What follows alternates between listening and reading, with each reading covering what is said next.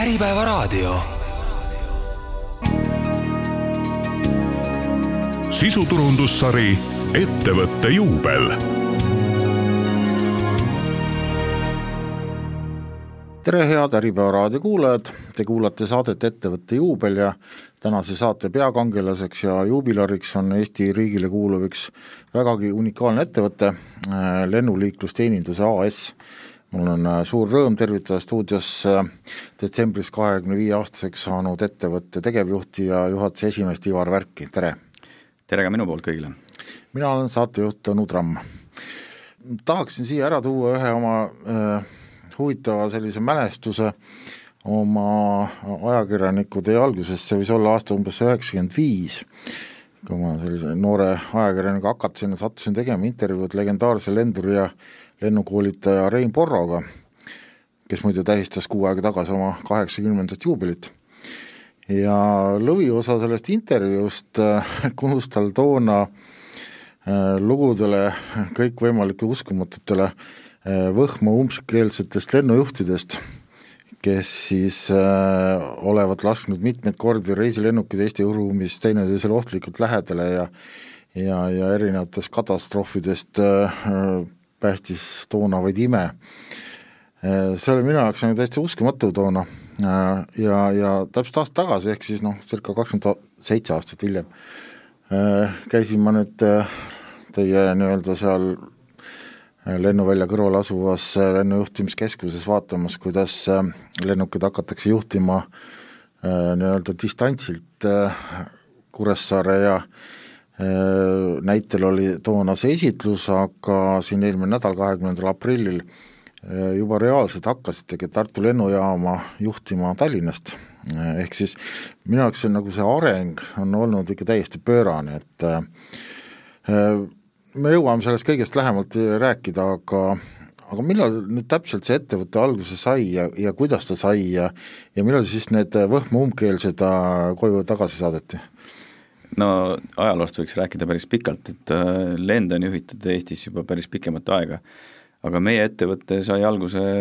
neljandal detsembril üheksakümmend seitse, aga natukene võib-olla sellest eelloost, et äh, kui äh, Nõukogude Liit lagunes, siis ka selline ettevõte nagu Aeroflot omandati nii-öelda Eesti riigi poolt osaliselt ja loodi selline aktsiaselts nagu Estonia Air. ja selle Estonia Airi tolle, tolleaegse Aerofloti tegevusteks olid ka nii-öelda siis lennujaamade käitamise ja lennuliiklusteenuse osutamise tegevused. ja siis selleks, et lennu, tollane ambitsioonikas ettevõte Estonian Air, kes tahtis tegelikult tegeleda ainult operatiivsete lendude tegemisega, siis siis otsustati jagada siis need eraldi ja siis moodustatigi aktsiaselts Tallinna Lennujaam ja lennuliiklusteenistus, mis liideti tegelikult tollel ajal Lennuametiga. ja üheksakümne kuuendal aastal siis äh, nähti, et Lennuameti haldusalas ei ole see kõige võib-olla mõistlikum, sellepärast et nii-öelda siis äh, asutust ja siis järelevalveasutust peaks niimoodi eraldama miski. Ja, ja ka Euroopa praktika näitas, et tegelikult eraldi äh, aktsiaseltsi loomine on mõistlik tegevus ja niisiis meie ettevõte siis neljandal detsembril üheksakümmend seitse alguse saigi toonase teede siseministri käskkirjaga no millised need tehnilised lahendused toona oli, ma kujutan ette, noh täna, kui me räägime siin noh, ma ei tea, 5G võrkudest ja, ja, ja satelliitsüsteemidest, et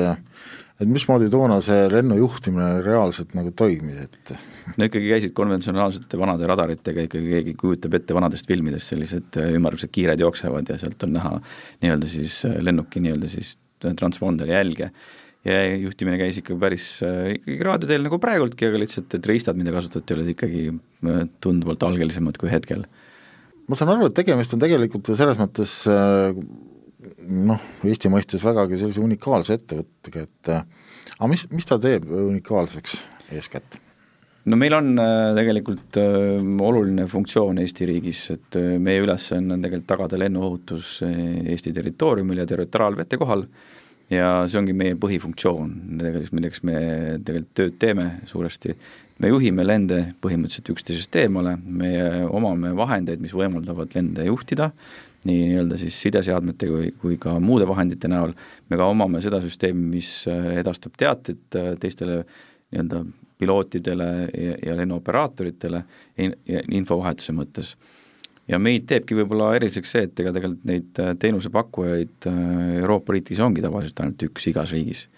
Et Euroopas lennujuhtimissüsteem kui selline on tegelikult suhteliselt killustunud võrreldes Ameerika Ühendriikidega, et Euroopas on kuskil viiskümmend üks erinevat üksust, kes pakuvad antud teenust,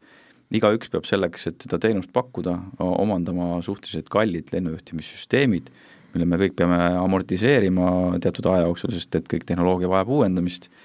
see on suhteliselt selline unikaalne kallis tegevus ja, ja lõppkokkuvõttes kõik selle maksab ju kinni meie klient, kelleks on lennureisija või siis kaup, mis lendab äh, meie, meie territooriumist üle või, või siia. ma saan aru, et, et teil on ka päris tihe koostöö on naaberriikidega, nagu eeskätt Soomega, just ma saan aru, et et te olete tegelikult vist suutelised ka nii-öelda üksteise juhtimist üle võtma, kui vajadus tekib no,? Päris mitte nii tehniliselt, tehniliselt äh, oleks see võib-olla et õige varsti ka võimalik, äh, aga see ei ole konkreetselt see plaan, et tegelikult ma rääkisin just sellest lennuliikluse killustunusest Euroopas, siis Euroopa Komisjon on näinud ette, et äh, seda võiks nii-öelda siis äh, äh, nii-öelda siis vähendada seda killustumist sellega, et erinevad lennuliiklusüksused teevad omavahel väga head koostööd, kasutades ära siis mõlema poole ressursse. Meie soomlastega oleme teinud koostööd juba siin kakskümmend pluss aastat erinevate projektide raames, et kas või marsruudivaba õhuruum, mis sai alguse tegelikult siit Eestist, Soomest, hetkel on ju olukord selline, et kus, kui kui, kui nüüd neid piiranguid ei oleks, siis äh, Venemaa nii-öelda nõu-, Vene piiri eest siseneb õhusõiduk Euroopa õhuruumi ja saab lennata vaba marsruuti pidi, ise valides selle Ameerikasse. põhimõtteliselt Island annab selle üle Kanadale ja põhimõtteliselt see on kõik vaba, vaba nii-öelda õhuruum, mis on tänu ka meie algatustele jõudnud nii kaugele, et see on tehtud. aga soomlastega meil tõesti koostöö selles mõttes on väga hea ja meil on, meil on plaan rakendada Finest projekt, et kui sellest projektist nagu natuke pikemalt rääkida, siis projekti eesmärk on piiriüleselt lende juhtida, ehk siis tekitada olukord, kus siis meie lennujuht saab vajadusel juhtida lende näiteks Karjalasse ja Soome lennujuht saab juhtida lende näiteks Lõuna-Eestis või siis Lääne-Eestis. Ja selle ülim eesmärk on ikkagi tee, see, et me saaksime nii-öelda siis seda lennujuhtide kallist ressurssi ühtselt paremini jagada sinna, kus on vajadus hea näide see, et kui, kui öösel, kus äh, mõlema riigi territooriumilt lendab üle võib-olla kolm-neli lennukit äh, tunnis, siis koormus oleks piisav ühe lennujuhile ära teha, aga hetkel meil istuvad mõlemal pool lennujuhid, äh, mõni neist jagavad seda lennu, nii-öelda siis koordineerivad liiklust. et aga tulevikus oleks võimalik seda nii-öelda ressurssi paremini kasutada. Et analüüs, mille me tegime, siis näitas, et kriisieelsele liiklusele, mis mahud olid päris kõrged, siis tollele veel otsa panna kakskümmend protsenti, oleksime suutnud tolleaegse personaliga ära täita Finesti raames liiklusmahte. kuidas nüüd see sõda on mõjutanud, no ma saan aru, et tegelikult ju Eesti nii-öelda see klient ongi see lennufirma, kes lendab üle, eks ole, ja, ja maksab selle eest Eesti riigile. et äh, Vene lennukid enam üle ei lenda, et äh, ilmselt siis jäi ka nagu sissetulekud vähemaks või? Jaa, ei kõvasti, et äh, me oleme tegelikult äh, keerulises olukorras juba neljandat aastat, kus me tegelikult lõpetame majandusaasta kahjumiga. ja kõik sellest tulenevalt, et me oleme väga palju mõjutatud ülelendavast kliendist, et kuskil kaheksakümmend protsenti meie tuludest tuleb ülelendava kliendi teenindamisest ja kui üleandav kliendile on seatud piirangud, noh, samad sanktsioonid, mis äh, Euroopa poolt pandi äh, Vene õhusõidukitele, nad, nad ei saa siseneda Euroopa õhuruumi, siis vastupidiselt Venemaa pani ka sanktsioonid Euroopa õhusõidukitele, kes vastupidiselt ei saa siseneda Vene õhuruumi. et kogu see liiklus näiteks, mis läks Kaug-Idasse, Hiina või siis Jaapanisse, läks varasemalt üle meie, hetkel lendab ta ümber et äh, ja samuti et, et kolmkümmend protsenti meie liiklusest oli tegelikult Peterburist tulev liiklus, mis läks läände üle meie et ka see on puudu selles mõttes, et me ikkagi hetkel äh, on äh, küll tegi Covid alguse, aga sõda on meile ikkagi väga märkimisväärsed majanduslikud mõjud äh, tekitanud. et ei saa varjata. jah, kui ma vaatan seda flight radarit, siis ma olen teinud ise ka nagu päris huvitavaid avastusi, et tegelikult sealt Soome lahe kohalt läheb niisugune päris tihe liiklus ja ja Eesti kohal on nagu suhteline tühjus ja ja teine asi, mis ma tegelikult avastasin, et ma ei tea, kuidas see varem on olnud, aga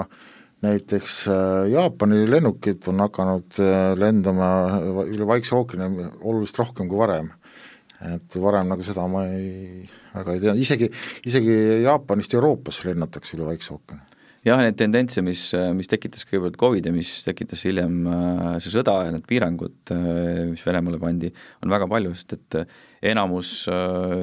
riigid, kes on selle, nende sanktsioonidega ühinenud, Euroopa riigid ja seal on ka Ameerika ja nii edasi, edasi,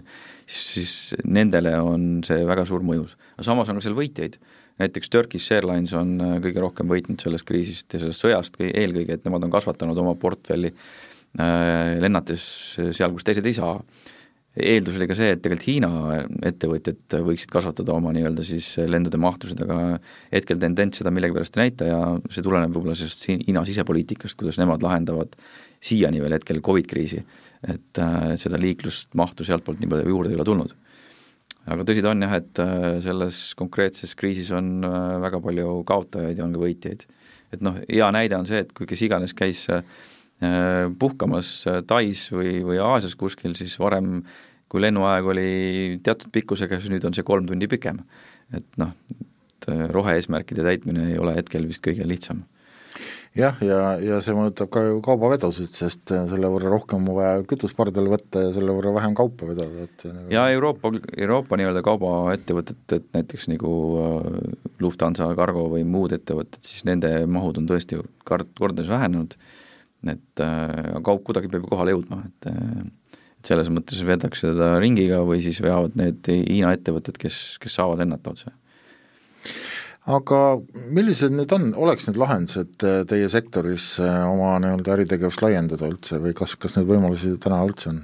jaa, ikka on, et äh, äritegevust on võimalik laiendada, kuna me oleme hästi väike tegija Euroopas ja maailmas üldse, Eesti ongi väike riik aga ainukene eelis tekib meile sellest, et me teeme midagi esimesena, omandame mingisuguse kompetentsi, eh, mida teised ei ole varem eh, omandanud ja siis on võimalik seda niimoodi müüa. noh, hea näide, millest ma alustasin enne, on see Finest koostöö, sest tegelikult Euroopas piiriülest lennujuhtimist ei ole siiamaani keegi suutnud rakendada, me oleme nii-öelda soomlastega selles esirinnas. suudaksime selle rakendada, siis, eh, siis seda teavet on võimalik teistele edasi turundada, mis tekitab sulle nii-öelda turu laienemise võimaluse või siis seesama mm, Tartust lendude juhtimine kaugelt, et me tegelikult selle lennujuhtimissüsteemi, mis võimaldab lende kaugelt juhtida, arendasime koostöös Eesti ettevõttega Kybernetica, Kybernetica müüs küll oma osaluse selles projektis äh, suurele nii-öelda siis Kanada kontsernile Adatsel, äh, kes tegelikult seda edasi arendab ja sealt selle koos toodetud toode on tegelikult ka üks võimalus tegelikult oma tehtud tööd äh, laiemale maailmale turundada, sellepärast et äh, IRT-torni äh, süsteemid on kindlasti see, mille suunas liigub maailm väga märkimisväärselt, sellepärast et kes ikka tahab töötada kuskil ülikülmas kliimas, ülikuumas kliimas, kus ei ole eriti mugav ja, tööd teha, kuhu sa saad, pead lendama tööle minekuks juba meeletult pika maa, et siis, siis sellistes kohtades see kindlasti sellised kaugelt juhitavad tornilahendused tulevikus saavad olema ja ja see on selline turunišš, et äh, selle suunas liigutakse. ma saan aru, et ega neid ei ole üldse vist äh, Euroopas või maailmas ju väga palju neid jaa, Tartus, kui me hakkasime kakskümmend aprill teenust osutama Tallinna, oma, Tallinna keskusest, siis me olime viies riik, ei kuues riik maailmas, äh, kes on üldse suutnud sellise tehnoloogia püsti panna ja tööle panna. et see on selline ikka päris märkimisväärne vestapost kui palju neid huvilisi on ukse taga, et seda tehnoloogiat äh, osta või arendada?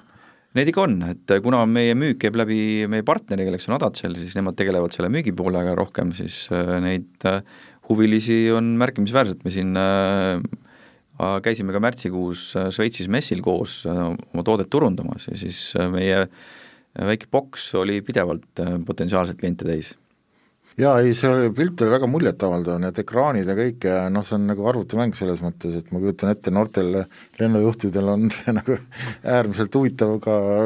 töö selles mõttes eks ta on kahtepidine, see alati millegi uue asjaga alustamine on keerukas, sellepärast et inimene on ikkagi sellistes harjumustes kinni ja ta, ta ei taha eriti muutuda. kuigi see muutus võib olla positiivne, eks selles alati nähatakse rohkem ohte kui, kui kasutegurit, aga tõesti Äh, tehnoloogiline süsteem võimaldab sul märgata objekti, anda sulle tunduvalt parema situatsiooni teadlikkuse, ta juhib su tähelepanu õigetesse kohtadesse, kehvemates ilmastikutingimustes annab sulle palju parema vaate ja nii edasi ja nii edasi, et äh, nii-öelda digitaalne zoom-kaamera on kordades parem kui igasugune binokkel ja nii edasi, et neid, neid äh, positiivseid nüansse on päris palju. jah, oma silmast rääkimata aga oma silmast rääkides tuleme korraks ka selle juurde tagasi, et kaua te ise olete seal ettevõttes töötanud ja, ja, ja kuidas nagu noh, kuidas te läbi oma silmade näete seda arengut? Ma olen nüüd ettevõttes töötanud circa kolm ja pool aastat äh, nii juhatuse esimehe kui tegevjuhina, et äh, areng on selle aja jooksul olnud äh, väljakutset rohke, sellepärast et me oleme läbi elanud kaks kriisi üksteise otsa, et äh, ja üritades samaaegselt äh, mõelda tulevikule, et sa oled jätkusuutlik teenusepakkuja kliendile ja samaaegselt üritades lahendada ära selle käibevahendite probleemi, mis tekib sellest, et liikluse mahud on niivõrd kordades kahanenud, siis äh, võiks öelda, et see on olnud selline äh, väga tõsine ja närvirohke periood, äh, mida ei osanud ette arvata. jah, ega selliseid kriise ei oska reeglina keegi ette näha aga kakskümmend viis aastat on ikkagi ühel ettevõttel nagu piisavalt pikk aeg ja tegelikult äh, ka kuidas ta nagu riigi kontekstis välja paistab, et äh, ma saan aru, et mingi aeg ikkagi oli niisugune päris tulus äri ja ma kujutan ette, riik on nagu päris äh, korralikke dividende sealt juba teeninud. ja ma siin üks päev huvi pärast vaatasingi, et äh, lasin välja võtta statistika, et äh, et kuna me küll viimasel kolmel aastal dividende maksnud ei ole, tulenevalt majandustulemustest, siis aga kui võtta sellise perioodiga kaks tuhat, tuhat üheksasada üheksakümmend üheksa kuni kaks tuhat üheksateist, siis meie ettevõte maksis riigikassasse circa kaheksakümmend viis miljonit dividende. Arvestades ettevõtte väiksust ja, ja käibe suurust, siis see on märkimisväärne summa. ja sinna lisanduvad veel muud maksud, mis me Eestisse oleme toonud muude maksude näol, siis seda summat võid kolmekordistada kui suur see firma on, kui palju seal töötajaid on? Äh, hetkel on meil sada kaheksakümmend kuus töötajat, äh, me oleme küll vähenenud siin viimase kahe aasta jooksul tulenevalt liikluse vähenemisest, aga jah, circa sada kaheksakümmend pluss inimest. Kelle arvelt see vähenemine on siis eeskätt toimunud, et noh, lennujuht peab ikkagi tornis olema valvel kogu aeg? eks ta ole, eks see vähenemine oli kõikides äh, töövaldkondades, et äh, nii lennujuhtidel, tehnilise poole pealt, toetava personalil, et äh, vähenemist tegime igas valdkonnas. aga ikkagi selleks, et hakkama saada. aga kuidas te nagu täna tunnete, et kas seda tööjõudu on piisavalt, Eesti on ikka suhteliselt väike riik, ma saan aru, et ka Lennuakadeemias ju tegelikult õpetatakse lennujuhtimist ja kui populaarne see eriala on või kui lihtne on üldse leida inimesi? sellega on nii ja naa, et äh, näiteks tuua seda, et äh, varasemal perioodil, enne kui kriiside algust, siis meie valdkond kasvas circa kuus protsenti aastas. meil oli vaja pidevalt juurde inimesi, kes teeksid ära lisatöö, mis juurde kogu aeg tuli ja et oli küll hetki varasemalt, kus oli päris keerukas saada piisaval arvul äh, nii-öelda siis nii insenere kui ka lennujuhte, et äh, ja oli ka perioode, kui me tegelikult äh, ise koolitasime lennujuhte, sest et akadeemia ei suutnud piisavalt vastavaid spetsialiste koolitada. et aga ma arvan, et koostöö Lennuakadeemiaga on meil alati olnud väga hea ja saab olema ka tulevikus väga hea, et sest et just statistiliselt vaatasin mõni päev tagasi, et meil on äh, töötajatest circa kaheksakümmend protsenti on lõpetanud Eesti Lennuakadeemia, kaasa arvatud mina sealhulgas. ma kujutan ette, et äh, me kõik oleme näinud ju erinevaid filme ja, ja, ja nii edasi, et see lennujuhtimine on tohutult äh, vastutusrikas ja, ja noh, muidugi Eesti ei ole ka Frankfurt, eks ole, aga aga ikkagi selles mõttes ühtegi viga ju läbi lasta ei saa ja, ja milliseid isikuomadusi peab see inimene levima, et sellise koha peale tööle minna? Jah, et lennujuhtidele tehakse kooli sisenedes spetsiaalsed psühholoogilised testid, mis, mis tegelikult näitavad ära, et kas inimene on suuteline oma äh, tähelepanu kontsentreeritult äh, ühel ajahetkel äh, jagama õigesse kohta. ja kui mitut erinevat task'i ta korraga suudab lahendada, neid teste tehakse, sorteeritaksegi välja spetsiaalselt need sobilikud inimesed, kellest on võimalik koolitada ja kes selle tööga ka tulevikus hakkama saavad, kui nad lõpetavad mulle meenub, et isegi lausa mingi telesaade oli vist sel teemal. jaa, meil oli telesaade, kui me otsisime ka siin enne kriisiaega lennujuhte ja need, ja sealt me ka saime endale lennujuhte, kellest kaks meil ka hetkel töötavad. milline see keskmine vanus on, et noh, ma kujutan ette, mina näiteks eh, pluss viiskümmend enam liikluses nagu väga nii tähelik pane, panelik ei ole ka kolmkümmend aastat tagasi, et et eh, milline see nagu see, ütleme see hea selline vanus on eh, selle ametikohal?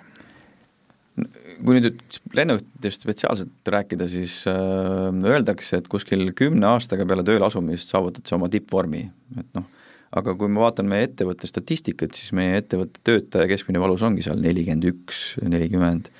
et äh, eks ta sinnakanti jääb, kus on sul see professionaalsuse kõige kõrgem tase. et need kognitiivsed võimed äh, vanusega juurde tulemisel ikka tegelikult kahanevad ja see tegelikult annab ka tunda selles, et äh, sa muutud veidi aeglasemaks, sinu tähelepanuvõime hajub ja aga kõik, kes meil tööd teevad, teevad seda väga professionaalselt. Äh, nagu juttu oli, et hetkel nagu ei ole just nagu kõige paremad ajad selles äris, et milline see lähitulevik paistab, et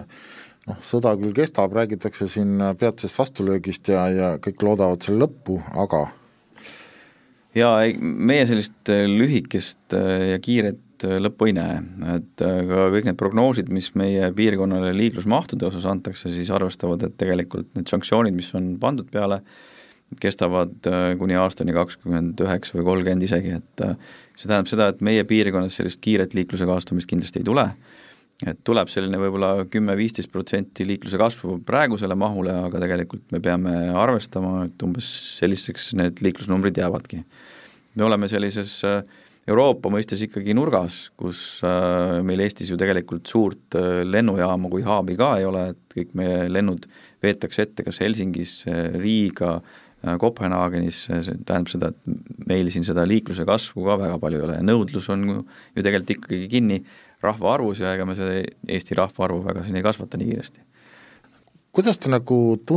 tunnetate ise seda mm, taset Euroopaga võrreldes või teiste riikidega võrreldes, et Eesti on ikkagi suhteliselt väike riik, lennukeid lendab siin oluliselt vähem kui, kui noh, siin enne oli juttu Frankfurdist näiteks, ma arvan, et meie töötajad on äh, väga professionaalsed, äh, tegemaks seda tööd, mida nad hetkel teevad ja et äh, eks see inimesed, kellel on huvi, on ka liikunud ettevõttest välja teistesse riikidesse osutama teenust nii-öelda siis teistes kohtades, et ja see on täiesti normaalne näha, et nii-öelda siis tööjõu liikuvus on täiesti, täiesti pooldatav näha, sellepärast et inimesed omandavad kogemust, saavad targemaks. Et aga kuigi meie ettevõtte eripära on see olnud, et me meie keskmine voolavus,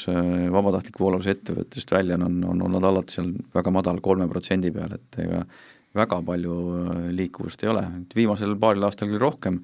ja seda pigem kriisist tingituna, aga üleüldiselt on tendents väga väike.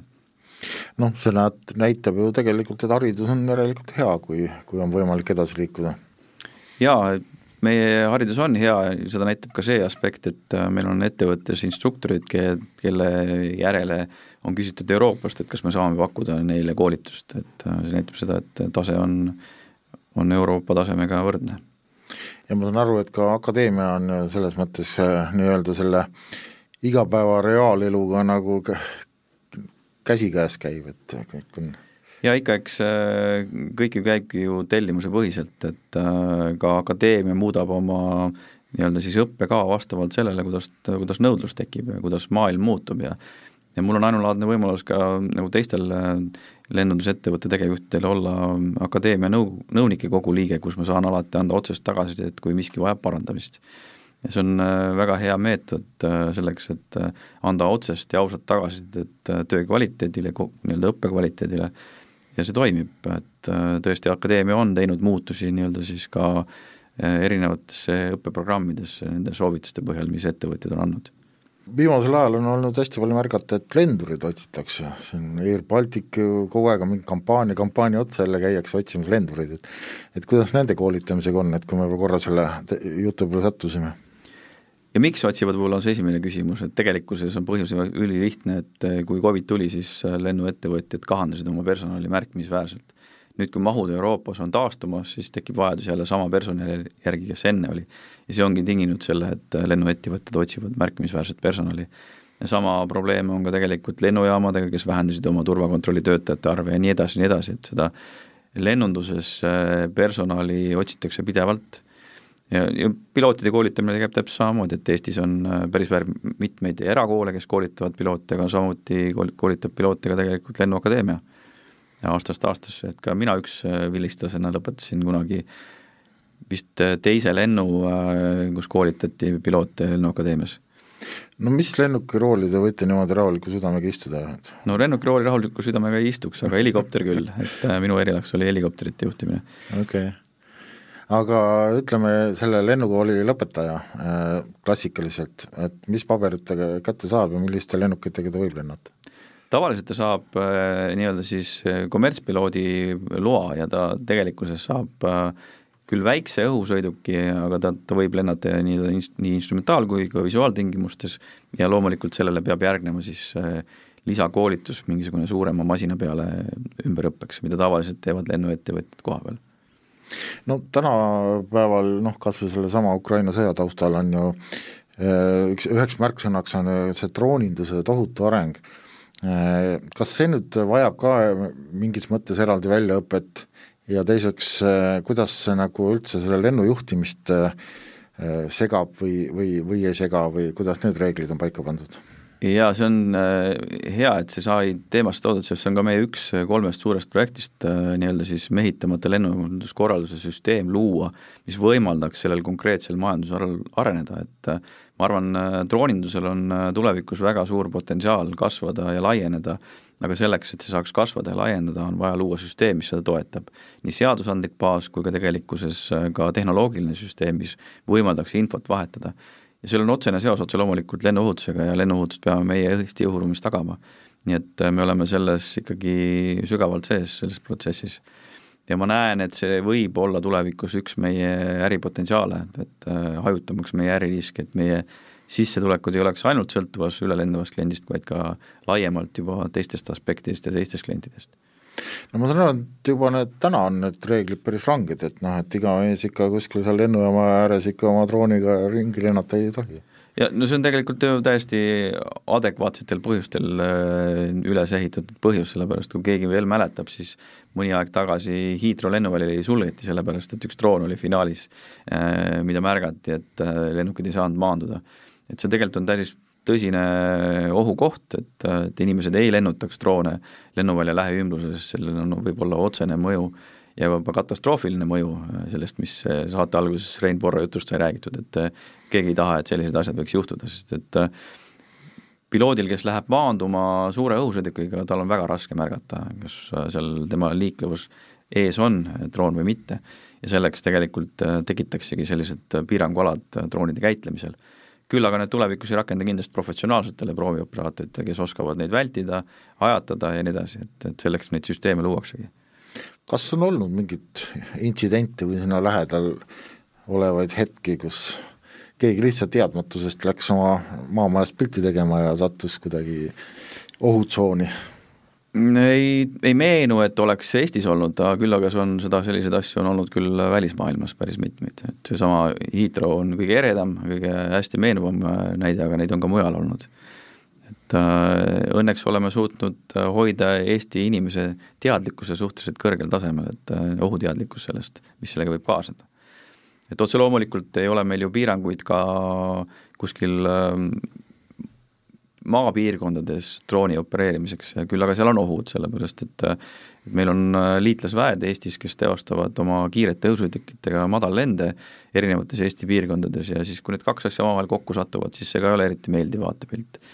selleks see teadlikkuse kasv on ülioluline, et me tegelikult teaksime, kus me lendame, miks me lendame ja et kes keegi teine võib selles alas samal ajal olla, et see need kiirused on meeletud äh, õhus. Äh, mul lihtsalt, ma pean ära küsima selle küsimuse ka, et mulle mõned nädalad tagasi täitsa, ma ei tea, kus kohas me elame maal, ikka noh, täitsa maal, ja järsku ilmus õuele droon. alguses vaatad, niisugune tore masin, aga aga siis nagu naine ütles, et aga pagan, et miks ta tuleb meie hoovi peale mind filmima või, või no mida iganes, noh tõenäoliselt tal mingi kaamera küljes on, mis ta muidu seal tegi, eks ole kust ta tuli, ei tea, kuidas nüüd selle eh, noh, olles ise Lennuakadeemias selle teemaga seotud, et kuidas see privaatsusnõuded ja kuidas nendega on? see on eh, üks osa sellest regulatsioonist, et eh, mis tulevikus saab olema kindlasti kõrgendatud tähelepanu all, on, on andmekaitse, kus sa tohid lennata, miks ja nii edasi, sellepärast et meie privaatsus on meile kõigile väga oluline. ja ma ei saa sada protsenti nüüd väita, et, et see on hetkel tagatud, aga selles suunas tegelikult Euroopa väga tõsiselt mõtleb, et see oleks tagatud, sest meie enda nii-öelda siis privaatsus on meile väga oluline. ja nagu ma ütlesin, siis see valdkond on väga kiiresti arenev ja selleks, et seda arengut nii-öelda siis võimaldada ja tegelikult sellest ka kasu saada, meile kõigile käega otsutavat kasu, siis siis tuleb need piirid paika panna ja nende järgi käituda et noh, kõige esimene kasu, mis me võime saada, on see, et äh, meie pakk ei too TPD kohale bussiga, vaid see saabub meie õuele drooniga, olgu see siis veranda, terrass või mingi muu koht, kuhu selle on võimalik maha potsatada ja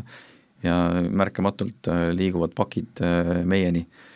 et neid, neid näiteid on teisigi, et näiteks, et elektriliinide kontroll, järelevalve, et neid on võimalik tulevikus ja ka hetkel juba tehakse, küll vähendatud mahus, aga küll tehakse juba ka droonidega mis tähendab seda, et äh, nõudlus sellise teenuse järele on kasvamas ja, ja neid näiteid on veel sadu, et piiripatrull, et äh, automatiseeritud droon äh, kogu aeg salvestab, sul on kõik näha, et et see ja inimeste otsimine metsast, maalt, merelt, kõik need on tulevikumuusika, meil on vaja lihtsalt regulatsiooni ja ja, ja nii-öelda siis asjad paika saada, et see saaks toimima aga ikkagi, äh, kui ma näen seda drooni, mida ma pean tegema, sest äh, tõenäoliselt ma ei tuvasta sealt ühtegi numbrit, äh, mitte midagi, ma võib-olla näen, et on mingit värvi, must, hall, ma ei tea, mis iganes. et kuhu ma peaks helistama mida peaks inimene tegema, et selliste asjadega nagu võidelda no kas nüüd võidelda, aga võib-olla teadlikkuse tõstmiseks tõesti esimene kõne võiks olla Transpordiametisse, kus on nii-öelda siis, kes teeb järelevalvet äh, ka droonindusele nii-öelda lennunduse mõttes. et äh, nemad on need, kes tegelikult äh, kontrollivad, et kõik oleks seaduspärane. aga kui see on selline hobidroon, millel ei ole peal ühtegi noh, ma ei tea, mingit andurit, mitte midagi,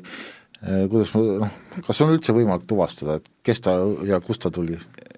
Vaevalt, hetkel süsteemid ei, ei, ei ole veel sellisel tasemel, et nad suhtleks omavahel ja sul oleks võimalik tuvastada, et kes täpselt kus, aga ma, ma võin siin ka hätta jääda, sest et ma ei ole konkreetse valdkonna tippspetsialist.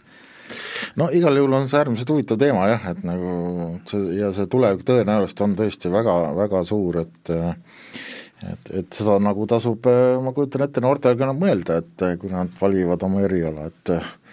et alati ei pea helikopterijuhiks õppima, et tulevik võib-olla ongi rohkem droonides ja mine tea, millal need inimesed ise droonidega ringi hakkavad lendama. aga kui me nüüd rääkisime sellest, et, et Eestis haridus on päris heal tasemel ja väga mitmed äh, noored või noh, ütleme teie töötajad on läinud edasi teistesse riikidesse, et mis see võiks, võib-olla on teil äkki, meenub mõni selline kõige silmatorkavam selline arenguhüpe või kuhu keegi on tööle läinud? ma ei nimetaks seda arenguhüppeks, aga inimesi on erinevatesse kohtadesse tööle läinud, et äh, Saksamaa on küll kõige populaarsem koht olnud, kuhu meie lennujuhid on läinud tööle, aga on lennujuhte ka Dubais, äh, Abu Dhabis, äh, on läinud tööle ka Austraaliasse ja Uus-Meremaale, et võib-olla Austraalia ongi võib-olla kõige kaugem koht, kus Eesti lennujuhti võiks kohata et ja, äh, aga mõttes... see on, see on täiesti normaalne näha, sellepärast et küll, küll me, kuigi me pakume väga konkurentsivõimelist palka, siis me tegelikult ei suuda kindlasti konkureerida ei Saksamaa, Dubai ega ka Austraalia palkadega ja see, see ei olegi võimalik ja, ja seal ju tegelikult see töökeel on nii-öelda ju jah, universaalne inglise keel, et sa ükskõik kus ju. just. et aga kas tänapäeval, siin saate alguses oli korra juttu sellest, et äh, et olid need umbkeelsed äh, lennujuhid seal Võhmus aga kas satub ette tänapäeval ka selliseid äh, noh, ma ei tea, kas mingid väiksemad eralennukeid või kes nagu väga ei saa aru, mida lennujuht talle öelda tahab? on küll selliseid, et eks ka, eks ka välismaalasi väga suvisel perioodil käib meil siin, kellest on raske aru saada, et mida ta nüüd küsis, äh, aga selle, selle kohta ma võin kindlasti öelda, et meil töötavad kõik väga professionaalsed äh, lennujuhid, kes, kes räägivad nii riigikeelt kui ka inglise keelt väga heal tasemel. aga läti keelt vaevalt. No ja seal tekibki, tekibki see küsimus, et kui sa kui sa lendad välismaale, siis sa pead arvestama aspektiga, et sa pead oskama ingliskeelset raadiosidet. Ja on tulnud tõesti olukordi võib-olla ajaloos, kus on raske aru saada, mida ta küsis ja siis tuleb lihtsalt paar korda korrata nojah, see aktsent võib olla selline, et ei pruugi iga kord aru saada ja aga ma saan aru, et side on tänapäeval väga hea, et selles mõttes sellist ragisevat, krägisevat niisugust raadioühendust enam vaevalt esineb. jaa, mürki ei tohi võtta, et äh, kuna Eestis on ka ikkagi selliseid väikseid äh, madalamaid ja kõrgemaid kohti, et kas igas lohus on olemas raadioside ja heal tasemel, aga nendes kohtades, kus valdav osa õhusõidukit ikkagi opereerib, siis on side Eestis ikkagi väga hea ja heal tasemel. Ja me ka just läksime üle uuele kõnesidesüsteemile siin äh, märtsikuus, mis võimaldab meil äh, veel pikalt päris heal tasemel kõnet pakkuda. kui palju selliseid olukordi on, et need mõned lendurid või kes nagu lendavad üle, juba teavad nii-öelda nime, nimepidi teineteist ja, ja nagu, nagu head tuttavad jälle, et ikka tuleb ette, et, et ka piloodid tunnevad ära lennujuhi, kes, kes vastu hääles on ja, ja vastupidiselt, et ja selliseid viisakusrepliike küll tehakse, see ei ole selline tavapärane praktika, et seda, sest et eetriaeg on kallis ja, ja mul on eneselt tuua hea näide, kui ma Suurbritanniasse lendasin, siis seal on lihtsalt see raadioside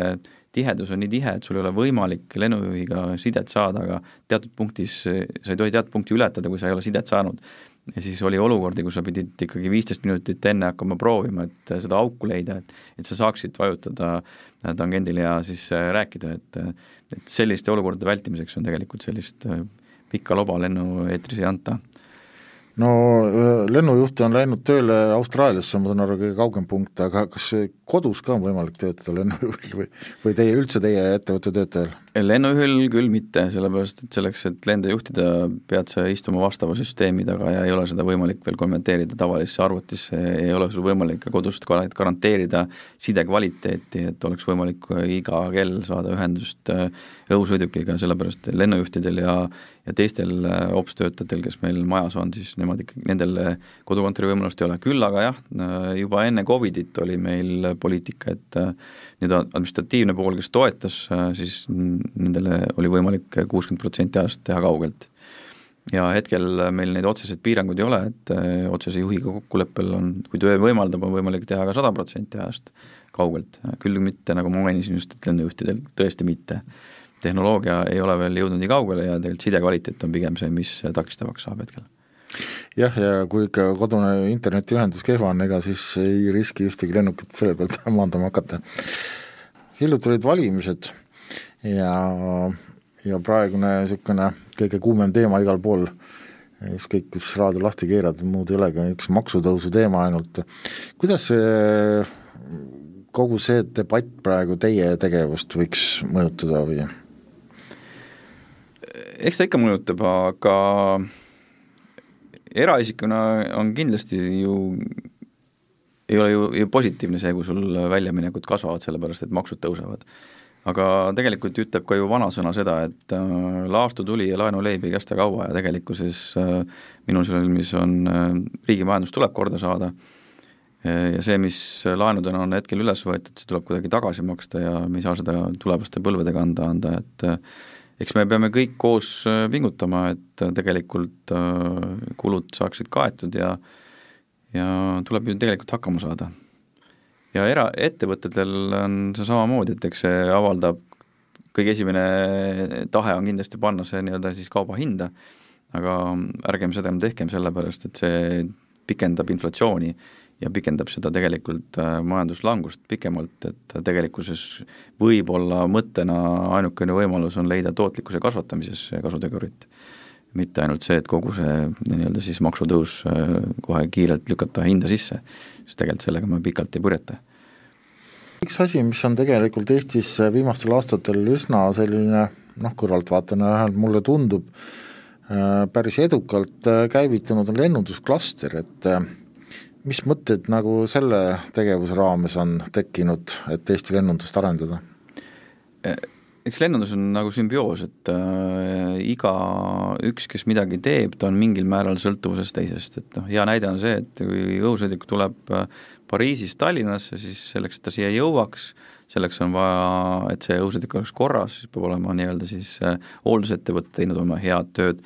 et selleks, et äh, see oleks mehitatud, peab olema nii-öelda lennuettevõte, kes on sinna kompetentsed piloodid peale pannud, selleks, et lennukid omavahel kokku ei, ei, ei lendaks, on vaja seda, et äh, lennujuhid neid üksteisest eemal hoiaksid, selleks, et oleks võimalik kuhu maanduda, on vaja rada puhtaks teha, selleks on vaja rada ja nii edasi, nii edasi, et lendus ongi tegelikult üks, üks tervik ja klaster tegelikult koondabki lennundusettevõtted kokku, et me tegelikult üheskoos omaksime suurt pilti, saamaksime aru, et äh, mis suunas ettevõtted planeerivad areneda, et me neid äh, arenguaspekte kõiki arvestaksime ja oma nii-öelda arenguplaane kooskõlastaksime, et, et tegelikkuses ongi koostöös peitub jõud, sellepärast me oleme ju Eest, Eestis eraldi väga väiksed, aga koos oleme me juba mingil, mingit mõju omav äh, üksus. ma mõtlen maailma mastaabis ja, ja lennundus on globaalne äri et selleks, et globaalses äris midagi saavutada, pead sa tegema väga head koostööd ja ja nagu ajalugu näitab, siis väikestel riikidel koostöö sujub paremini kui suurtel riikidel. Te olete küll riigiettevõte ja, ja võib-olla ei ole nagu õige inimene küsima, vastama tähendab sellele küsimusele, aga aga rääkides üldse nagu transpordisektorist laiemalt, siis tegelikult äh, hästi palju mm, eile meil näiteks siin oli üks konverents ka sel teemal ja, ja tuli jälle välja ikkagi see, et äh, ettevõtjate sõnumid ei jõua nagu riigini, et kuidas lennunduses see on see kommunikatsioon ja suhtlemine nii-öelda riigiga, ametnikkonnaga hea? Kuna nagu sa just ütlesid, et siis ka meie riigi esindaja, riigiettevõttena meil on nagu otsekontakt riigiga, aga lennundusklaster ongi see tegelikult meetod, kus kaudu me tegelikult oma sõnumit saame äh, riigini viia ühtsena, tervikuna ja, ja tegelikult kooskõlastatuna. Ja samuti, kui on vaja muudatusi mingitesse seadusandlustesse, mis kas olgu see siis vaba äh, tööjõu toomise, kvoodi tõstmine, mis iganes, mis võimaldaks tegelikult meil äri laiendada, siis need sõnumid tegelikult me oleme kõik andnud riigini läbi lennundusklastri äh, ühise visiooni. et äh, selleks ka väga paljud ettevõtted on liitunud lennundusklastriga, et, et saada kontakti riigiga ja ma väidan, et selle me oleme saavutanud minu küsimuse tagamõte oligi võib-olla see, et saada ka kinnitust oma ühele varasemas saates välja öeldud mõttele, et Eesti transpordisektor vajaks täpselt samamoodi sellist klastrit, kuhu oleks siis koondunud nii trans-, maanteetransport, raudteetransport, ma ei tea, veetransport ja nii edasi, et kuidagi nagu seda ühtset tervikut pilti saada, et praegu nagu tundub natuke see asi on liiga killustunud, et et nagu räägitakse, et kaupade, kaubad peaksid liikuma raudtee peale, samas raudtee on hoopis ühes teises ametkonna alluvuses ja, ja, ja Transpordiamet ei tea sellest suurt midagi ja nii edasi, et tegelikult ka siin võiks olla nagu noh, ma saan aru, et et selline soovitus on olemas lennuklastri näitel.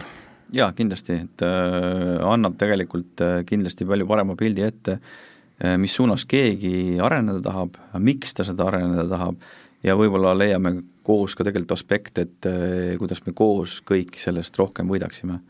Et see ongi selle eh, klastri nii-öelda eelis, et tegelikult eh, et üks,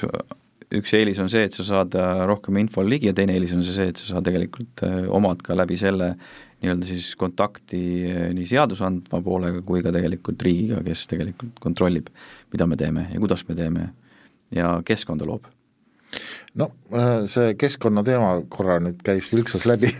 haaran sõnasaabast kinni. ei ole vist ühtegi valdkonda tänapäeval, kes ei peaks mõtlema rohepöördele, et kuidas teil see pööramine on ja, ja mis vahenditega? ja ka täpselt äh, nagu ka mujal äh,, igas sektoris on ka meil see tegelikult kõrgendatud järelevalve all Euroopa Komisjoni poolt, see on ka üks mõõdik, mille alusel meid mõõdetakse hinnatakse, et meie mõju näiteks noh, meie keskkonnamõju sõltub sellest, et kui pika marsruudi õhusõiduk äh, õhuruumi läbides läbib. et mida, mida otsem ta seda lennata saab, seda väiksem mõju on tegelikult loodusele läbi paisatud CO2.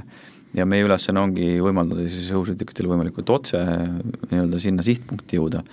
ja kõik need protseduurid, mis maandumiseks äh, tuleb teha, siis need võimalikult efektiivselt teha, et õhusõiduk saab alustada väga varakult juba maa, nii-öelda maandumisprotseduuri heidetes sellega võimalikult vähe heitgaase nii-öelda õhku, et et see ongi see, mida meie ainukesena teha saame, et, et, et lasta õhusõidukitel võimalikult otse lennata. kuigi siin on väga palju aspekte, sellepärast et geopoliitiline olukord, mis juhtus Ukraina ja Venemaa vahel, on pannud kõrgendatud järg, nii-öelda nii-öelda siis valvesse meie nii-öelda siis militaarpoole, kes tegelikult väga aktiivselt manööverdab meie õhuruumis ja vajab ka liikumiseks ruumi ja siin selle balansi leidmine on tegelikult väga keerukas. et siis tekib olukord, kus me tegelikult ei saaks, ei saa lubada alati otse, sellepärast et meil on mingi ala broneeritud mingiks ajaks ja, ja ka koostöö äh, meil militaarpoolega on sellest hoolimata ülihea äh, mida öelda nendele, kes väidavad, et äh, need lennukid, kes kaardi või teevad neid ortofotosid, et need kammivad sellepärast Eestit äh, nii tihedalt läbi, et äh, mingit mürki paisata elanikkonna hulka et ma jätkuvalt viskab ette mulle aeg-ajalt äh, sotsiaalmeedias selliseid arvamusi, et uskumatu. jaa, no tõesti, nendel on oma ülesanne ja, ja selleks, et saada võimalikult head pildid, tuleb sul võimalikult täpselt ja lennata ja suhteliselt madalalt, ehk siis jah, optimaalselt kõrguselt ja väga tihedalt, et saada äh, nii-öelda siis kogu maastikust pilt ja Maa-amet seda teeb. aga jah, tulev-, tulevikus teevad seda tööd droonid, sada protsenti, kõik need aerofotod, pildid, see, drooni on võimalik panna palju, palju täpsemalt lendama kui pilooti jaa, see on ju tegelikult saab ju eelprogrammeerida Just. nagu põllumajal äh, ja samamoodi kõik, kõik need äh, virtualiseerimised tulevikus ei tehta traktoritega, vaid seda tehakse droonidega, mis mis panevad nii väetise kui ka, ka vajadusel muud kemikaalid või, või siis looduslikud äh, ained põllule, ilma et jälgi jätmata ja siis on võimalik nii-öelda kasvupinda kasvatada. meie saateaeg hakkab armutult otsa saama, oli äärmiselt huvitav vestelda sel, sel teemal ja ja tuletan siis kuulajatele meelde, et kuulasite saadet Ettevõtte juubel ja saatekülaliseks oli Lennuliiklusteeninduse aktsiaseltsi juhatuse esimees Ivar Värk, mina olin saatejuht Tõnu Tramm ja kuulmiseni uute juubeliteni, kõike head! aitäh kutsumast!